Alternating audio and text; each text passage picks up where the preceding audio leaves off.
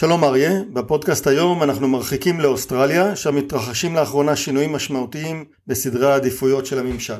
התהליך החל כבר בשנה שעברה, בביטול תוכנית אה, שנקרא C1000, במסגרתה התכוון הממשל שם לרכוש 12 צוללות בצרפת, בהיקף של 50 מיליארד דולר.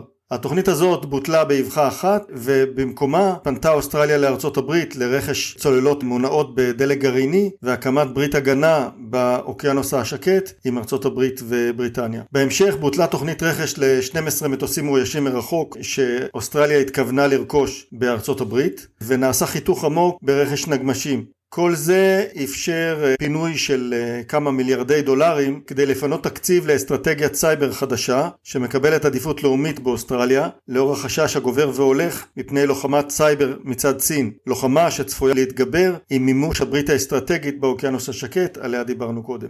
הביטול הראשון שהראה על אה, משהו שלא דופק כמו שצריך באוסטרליה היה באמת הביטול של התוכנית רכש הצוללות התוכנית הזאת בוטלה באבחה אחת למגינת ליבם של הצרפתים, נודע להם על ביטול של פרויקט בהיקף של 50 מיליארד דולר על ידי ההודעה של האוסטרלים שהם הולכים עם האמריקאים והבריטים. הצרפתים מאוד נעלבו, דורשים פיצויים אה, בהיקף גדול מאוד, אבל לא עזר להם, העדיפות האוסטרלית הייתה על הקמת הברית הזאת. השלב הבא שהוכרז עליו בסוף החודש הקודם היה הקמת מערך הסייבר, מערך הגנה במודיעין ובסייבר, שמכוון כנגד ההתעצמות הסינית. אוסטרליה מתכוונת להשקיע כתשעה מיליארד דולר בפיתוח היכולת הזאת, במסגרת תוכנית שקיבלה את שם הקוד Red Spice. חצי מהתוכנית הזאת יושקע בתוך ארבע שנים בהקמת מרכזי מודיעין והגנה בסייבר ולצורך המימון של המהלך העצום הזה נעשו, נעשו השינויים בתוכניות עליהם דיברנו. אז הנפגעת העיקרית מהשינוי הייתה חברת ג'נרל אטומיקס האמריקאית זו מתחרה גדולה של התעשייה האווירית בשיווק כלי טיס מאוישים מרחוק במדינות העולם הם מייצרים את הריפר MQ9 שהוא המל"ט אה, שהאמריקאים בחרו לצייד בו את חיל האוויר ובגרסה אחרת את ה... הצבא והמרינס. לפני שנתיים ג'נרל אטומיקס זכתה בפרויקט של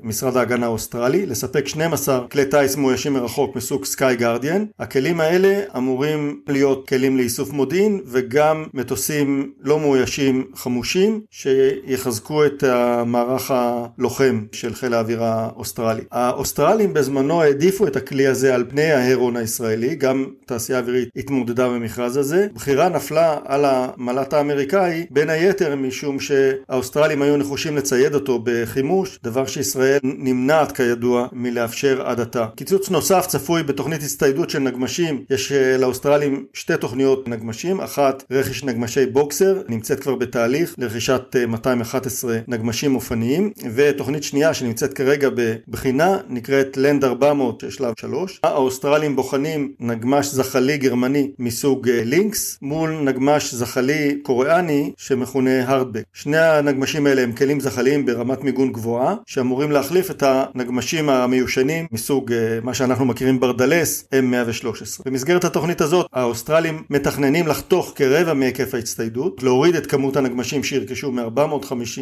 ל-350 והם מתכוננים להחליף את הכלים האלה בנגמשים אופניים פשוטים יחסית וזולים בהרבה, זה הבושמאסטר מה שמיוצר באוסטרליה, שישמש כאמבולנס, כרכב אה, אספקה, חילוץ חוץ וכדומה. קיצור, שינויים מאוד מאוד גדולים שבהיקף של מיליארדים של דולרים, החלטות שמסתובבות בסיבובים אה, מאוד מאוד חדים, תופעה די מוזרה יחסית לאוסטרלים שהיו ידועים לנו כמערכת מאוד מתוכננת, משומנת, מחושבת ויציבה. כן, אני חושב שבכמה תחומים ההפסדים של החברות הישראליות בשוק האוסטרלי לא נבעו מטיב המערכות. יש ברית שנקראת Five Eyes, חמש, חמשת העיניים, זה ברית מודיעינית שמשתתפות בה אוסטרליה, קנדה, ניו זילנד, אה, אנגליה וארצות הברית. החברות בברית הזאת דואגות אחת לשנייה, ואם uh, הוצאו לאוסטרליה בכמה תחומים כמו מל"טים ודברים אחרים מערכות ישראליות, זה לא שהם לא נבחרו בגלל שהם נחותים מהמערכות של ארצות הברית למשל,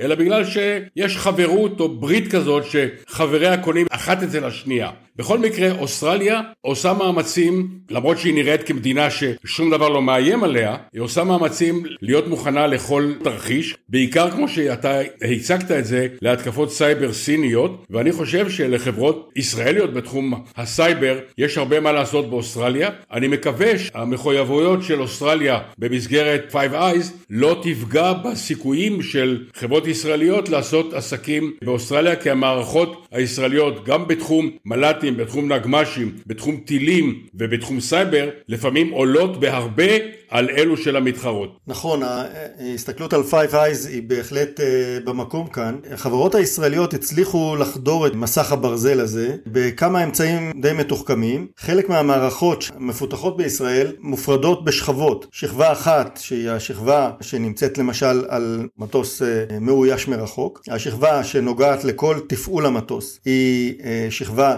שהישראלים מטפלים בה בצורה מאוד מאוד ממוקדת. מצד שני, שכבת המשימה שהיא נוגעת לאורכי הנתונים, מערכות המשימה, לחיבור עם מערכות המודיעין, שזה החלק הרגיש בברית ה-Five Eyes הזאת. את כל הדברים האלה נותנים לגורם מקומי לעשות, אם זה בקנדה או באנגליה, זה יכול להיות גם באוסטרליה ואפילו בארצות הברית, ועל ידי זה חברות ישראליות כמו תעשייה אווירית או אלביט מצליחות לפחות לגרד את הכיסוי של פרויקטים מאוד מאוד גדולים. עשינו פודקאסט על הנושא של מכירת מערכות לוחמה אלקטרונית לצי הבריטי. חברות ישראליות מנסות למכור uh, כלי טיס מאוישים מרחוק, אם זה ההרמס 900 או האיתן, כך שאפשר לחדור את קליפת ה-Five Eyes. בהיבט של קיצוץ התוכניות האוסטרליות, כדאי לציין שאלביט מעורבת בשתי התוכניות, גם של הלינקס וגם של הרדבק, עם uh, אספקה של צריכים לקבוצה שמובילה החברה הקוריאנית, ועם אספקה של uh, מערכות הגנה אקטיבית, חץ דורבן, גם לריין מטאל שמציגה את הלינקס וגם לחברה הקוריאנית. רפאל גם היא תספק טילי אה, Spike LR2 שנבחרו על ידי האוסטרלים לחמש את הנגמשים האלה. גם כאן יהיה כנראה קיצוץ בהיקפי הרכש, אבל המקום של החברות הישראליות כרגע מובטח. עד כאן אוסטרליה, נחזור ונבחן שווקי ייצוא אחרים בפודקאסטים הקרובים. תודה אריה.